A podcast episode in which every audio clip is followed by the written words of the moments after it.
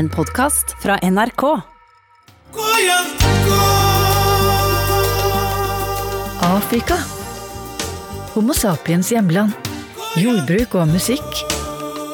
Filosofi, vitenskap og eldgamle byer. Nomadeliv og ulike samfunnsformer. Slavehandel, kolonisering og frigjøringskamper. Hør Afrikas historie fortalt på nytt. Tore Linné Eriksen har skrevet boka Afrika. Fra de første mennesker til i dag.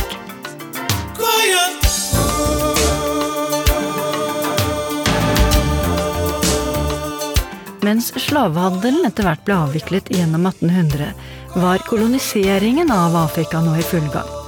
Franskmennene brukte 17 år på å komme til makten i Algerie fra 1830 og utover. Mens britene gjerne ved hard voldsbruk greide å skaffe seg aller flest kolonier.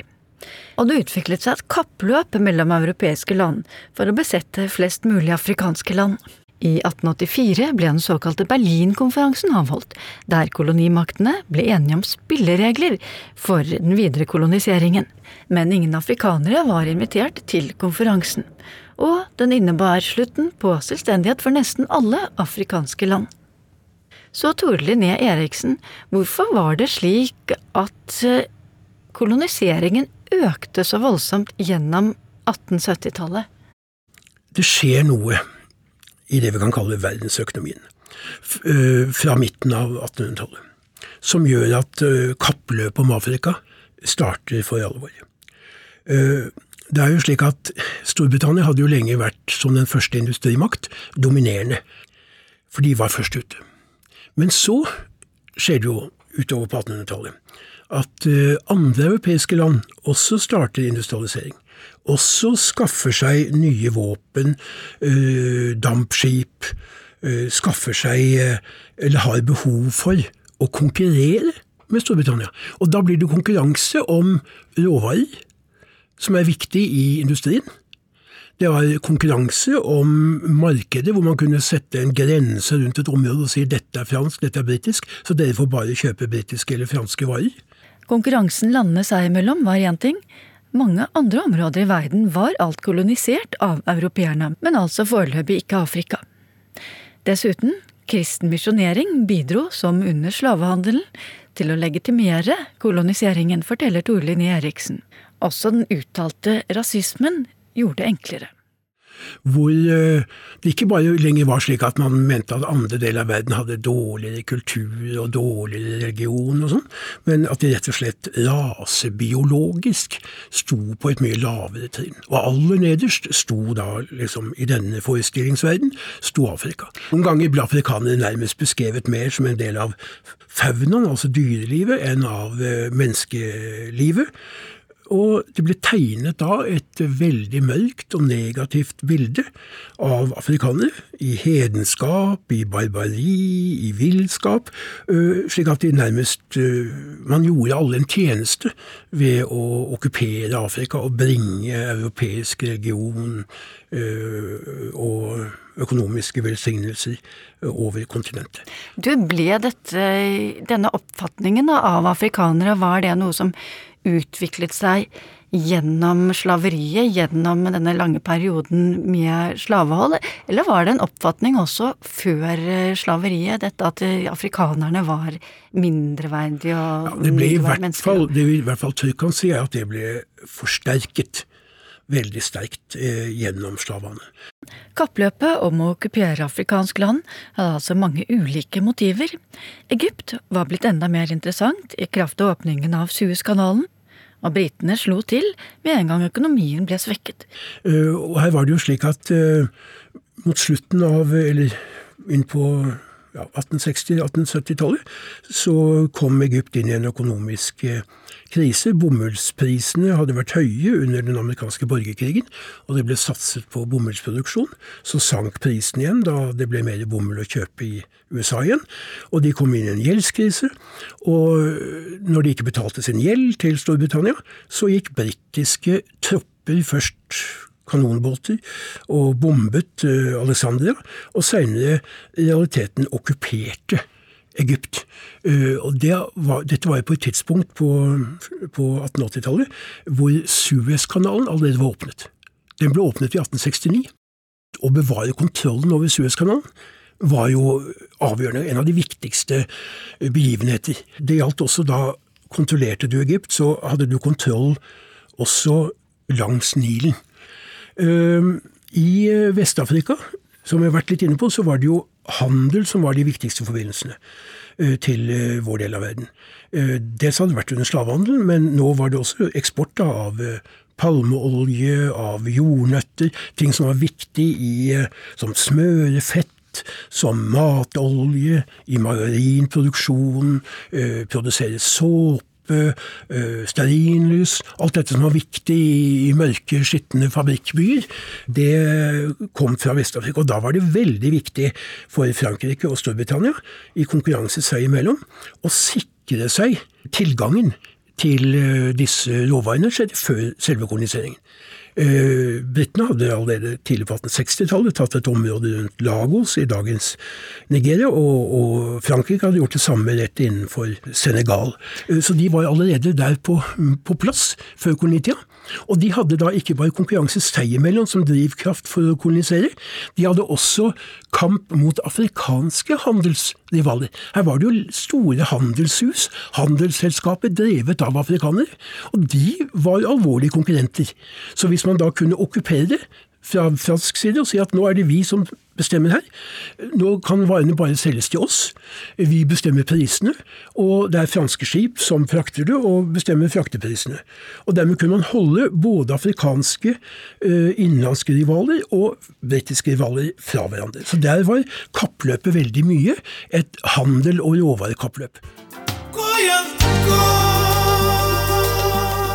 Livet for lokalbefolkningen i koloniene var ulikt alt ettersom hva kolonimakten var ute etter, og hvem som styrte.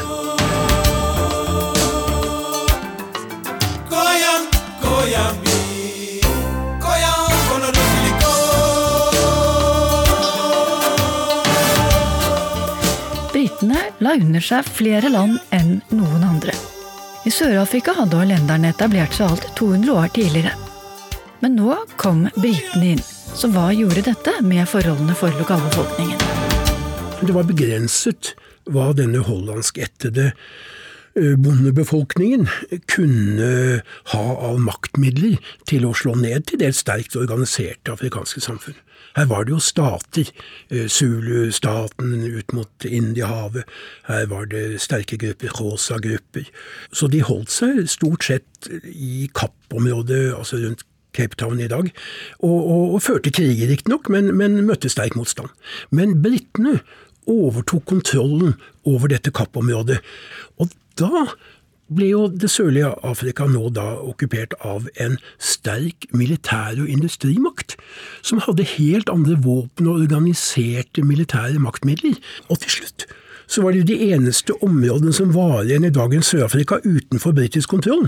Det var to relativt små republikker som var dominert og styrt av denne hollandskættede boerbefolkningen. Men det var i ett av de områdene at gull- og diamantforekomstene ble gjort. Og britene ønsket jo å skaffe seg kontroll over dette også, og det ble da til slutt endte med den store krigen som noen ganger er blitt kalt for boerkrigen, men som var en krig mellom Storbritannia og de to republikkene.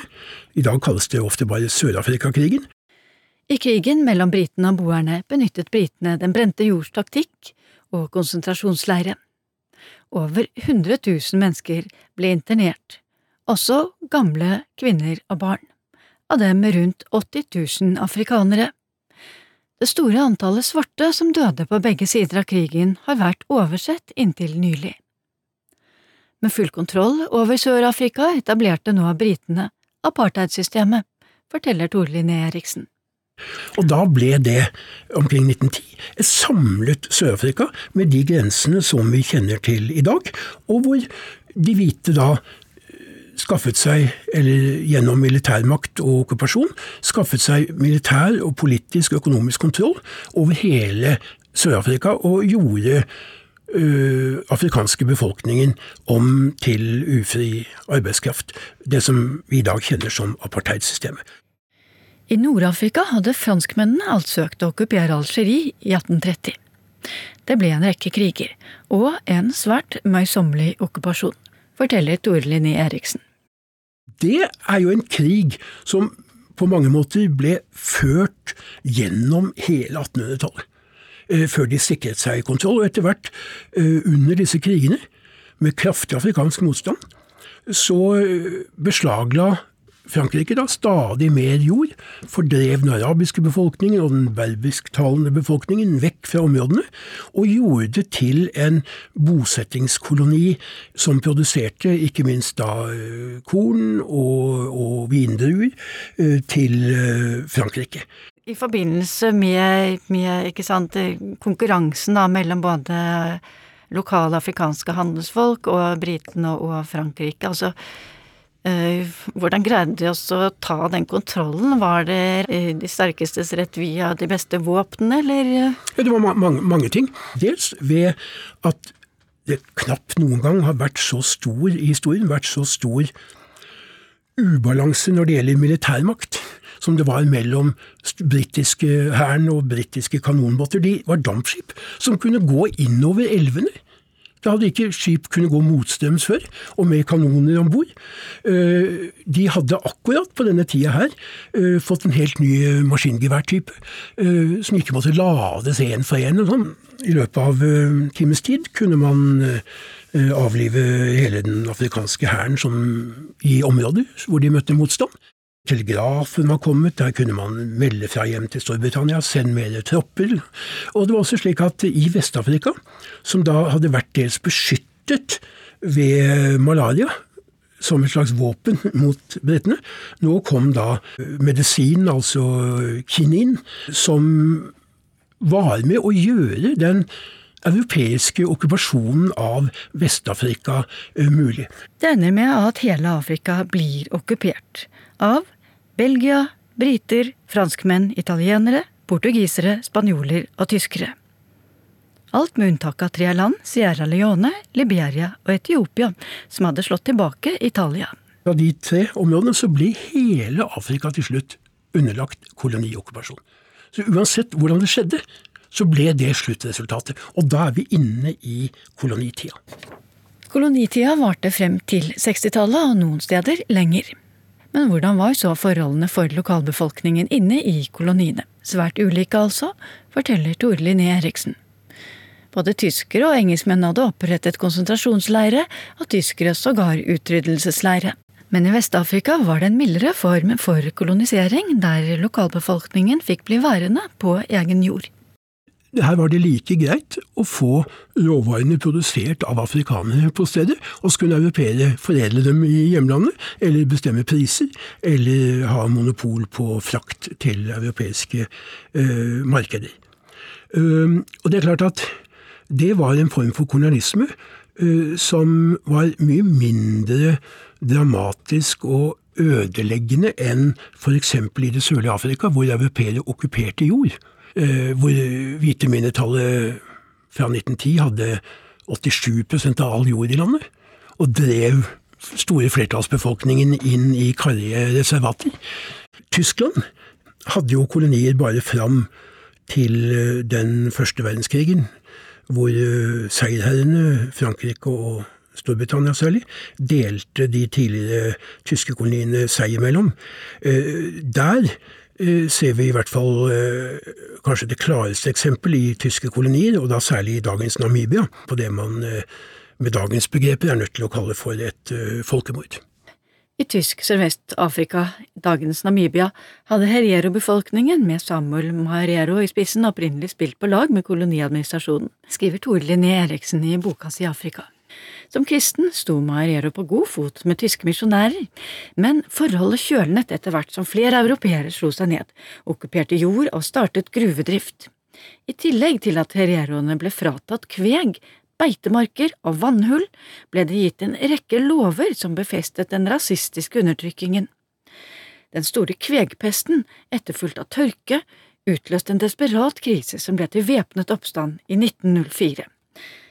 Etter at tyske tropper nedkjempet all motstand, gjennomførte de det som i dag går under betegnelsen det tjuende århundrets første folkemord.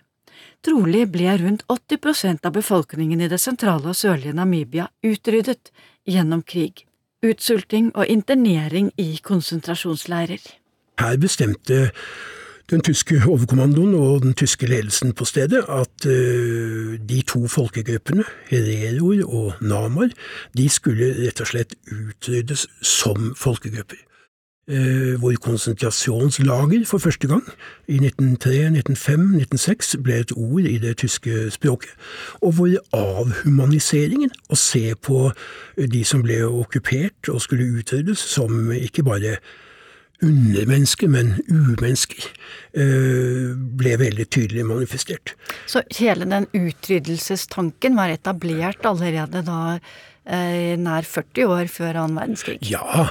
Eh, det som Det er litt interessant du reiser det spørsmålet, fordi at det har jo vært en vanlig oppfatning at i vår del av verden at fascismen og holocaust var dramatiske avvik fra det man kan kalle den europeiske sivilisasjonen. Hvor spørsmålet reises hvordan kunne Tyskland, i hjertet av det siviliserte Europa, som hadde fostret Goethe og Beethoven, hvordan kunne de begå sånne uhyrligheter? Det var liksom utenfor fatteevne. Kan det være sånn at, eh, at tyskerne så at de hadde trent seg på hele tankegangen og effektueringen av dette, og at man kanskje ikke ville fått de systemene inn i annen verdenskrig dersom man ikke hadde hatt dette i Afrika først? Det er et uh, interessant og vanskelig spørsmål. Men jeg vil i hvert fall uh, først uh, si at man skal ikke se på Tyskland i kolonisammenheng som et helt spesielt europeisk særtilfelle. Nazi-Tyskland sto jo i skarp kontrast til samfunnssystemer i Storbritannia, til dels i USA og til dels i Frankrike. Eh, men på denne tida her, deres folkemord og deres undertrykking i det sørlige Afrika skilte seg jo ikke noe grunnleggende ut fra andre europeiske stater. Og Derfor så var det jo ingen protester eller særlige reaksjoner fra andre europeiske stater.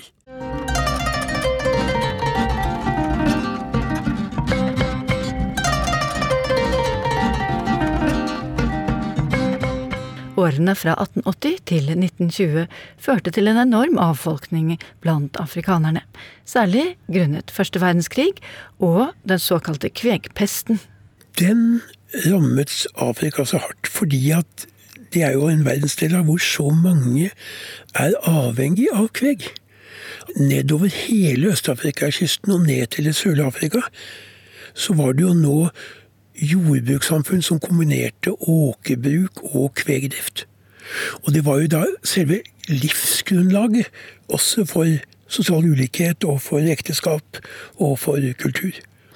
Og mange steder ble altså opp mot 80, 90, inn mot 95% av besetningen strøk med.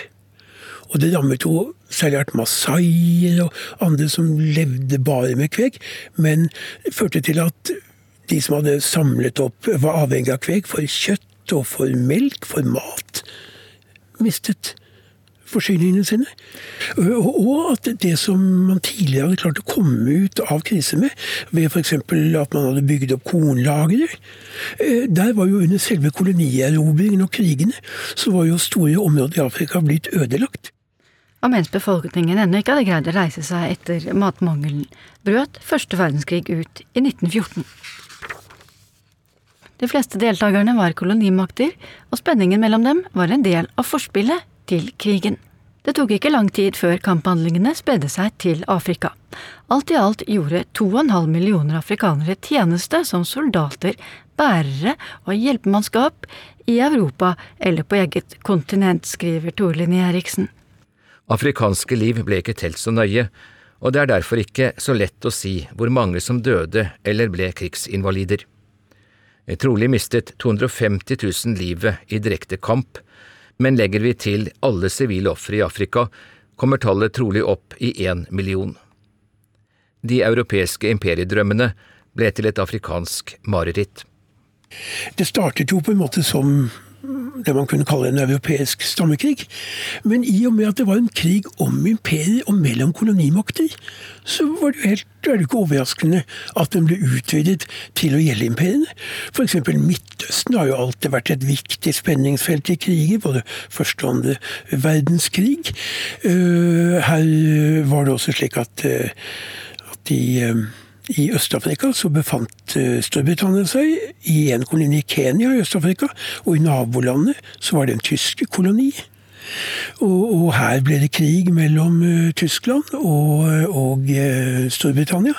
Begge parter rekrutterte eller tvangsrekrutterte eller hentet leiesoldater inn. Så det er jo sagt at Fra den afrikanske befolkningen? Ja, ja at, og fra andre deler av Afrika. Slik at man kan si at briter og tyskere slåss til siste til siste afrikaner.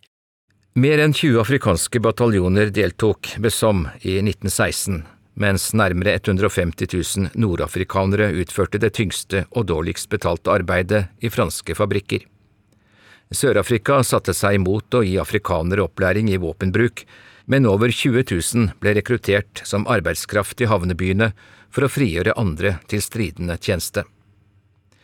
Ingen hadde en så høy andel falne på den europeiske vestfronten som afrikanere. De hadde dårligere opplæring enn europeere og ble utsatt for kalde vintre og ukjente sykdommer. Clemenceau, som var fransk statsminister mot slutten av krigen, uttalte da også at han foretrakk ti afrikanske drepne framfor én død franskmann. Også på britisk side ble det ansett som viktigst å spare egne landsmenn mest mulig. Særlig fra fransk Vest-Afrika og fra fransk Nord-Afrika så ble også mange hentet direkte inn til krigshandlingene i Europa, i skyttergravene. I en krig som ikke var deres. Eh, alt i alt så har kanskje to og en halv million afrikanere på en eller annen måte vært med i denne krigen. Dette eksisterer nesten ikke i den tradisjonelle fortellingen om den første verdenskrigen. Ved annen verdenskrig mobiliserte kolonimaktene, på samme måte som under den første verdenskrigen, Afrikas menneskelige og materielle ressurser. Regimenter fra franske kolonier var allerede på plass i Frankrike under det tyske angrepet våren 1940. Rundt 20 000 av dem mistet livet, og nesten like mange ble tatt som krigsfanger, skriver Tore Linné Eriksen i boka si. Storbritannia hadde undertegnet Den internasjonale konvensjonen mot tvangsarbeid, men utkommanderte titusener til tinngruene i Nigeria. Utvinningen av kobber og tinn ble trappet opp i takt med behovet for å produsere mer våpen. Med god hjelp av øst- og vestafrikanske tropper vant de allierte sin første seier i Etiopia i november 1941. De italienske styrkene ble drevet ut, og keiser Haule Selassie kunne vende tilbake. Soldater fra Nord-Afrika spilte også en viktig rolle under landgangen på Sicilia i 1943. Den ble starten på Mussolinis fall. Mange afrikanere var også med under D-dagen i Normandie i juni 1944, men ble bedt om å holde seg i bakgrunnen under triumfmarsjen inn i Paris. Det var jo også slik at en del av ganske mange som hadde deltatt eh, på fransk og britisk eh, side, de hadde forventninger om at kolonifrigjøring på en måte sto på programmet. For de hadde jo hørt at denne krigen, hvor de ga sitt liv, eh, var eh, for demokratiet og mot det rasistiske nazidiktaturet. Og noen kom faktisk på den tanken at det kanskje også burde gjelde dem. Men det var jo ikke meningen når Winston Churchill, statsminister i Storbritannia, hadde vært med å skrive under Atlanterhavserklæringen i 1941 om eh, alle lands rett til nasjonal selvbestemmelse, så mente han utelukkende de områdene som var under tysk okkupasjon, og gjorde det klart at det gjaldt ikke imperiet. Han var ikke blitt statsminister for å avvikle imperiet. Men isteden så ser vi en forsterking av kolonisystemet etter 1945. Også ved at man måtte gi det en ny begrunnelse. Nå kunne man ikke bruke sånne rasebegreper, men man sa at nå skaper vi utvikling. Og det ble gjort mye, mye mer for å bygge jernbaner, bygge skoler.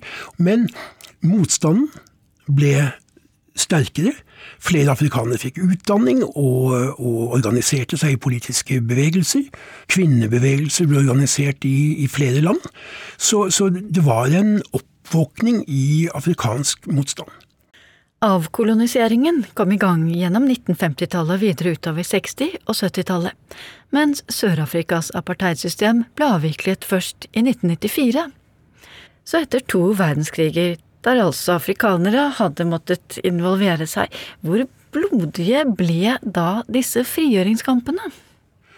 Frankrike førte jo en voldsom krig i eh, Algerie etter at opprøret startet der i 1954 og helt fram til 1962, eh, før eh, det ble uavhengighet.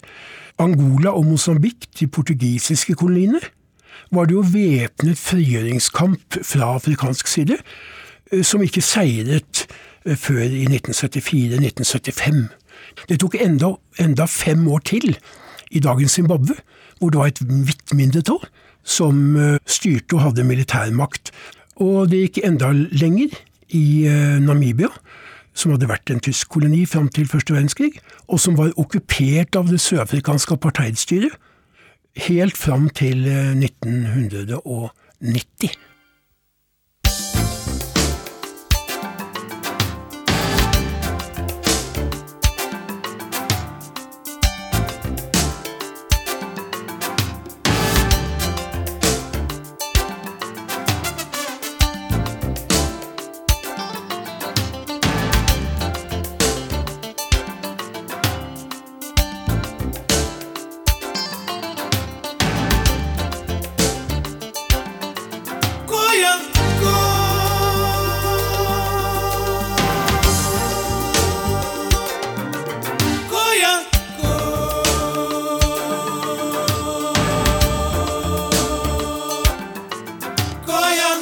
Eh,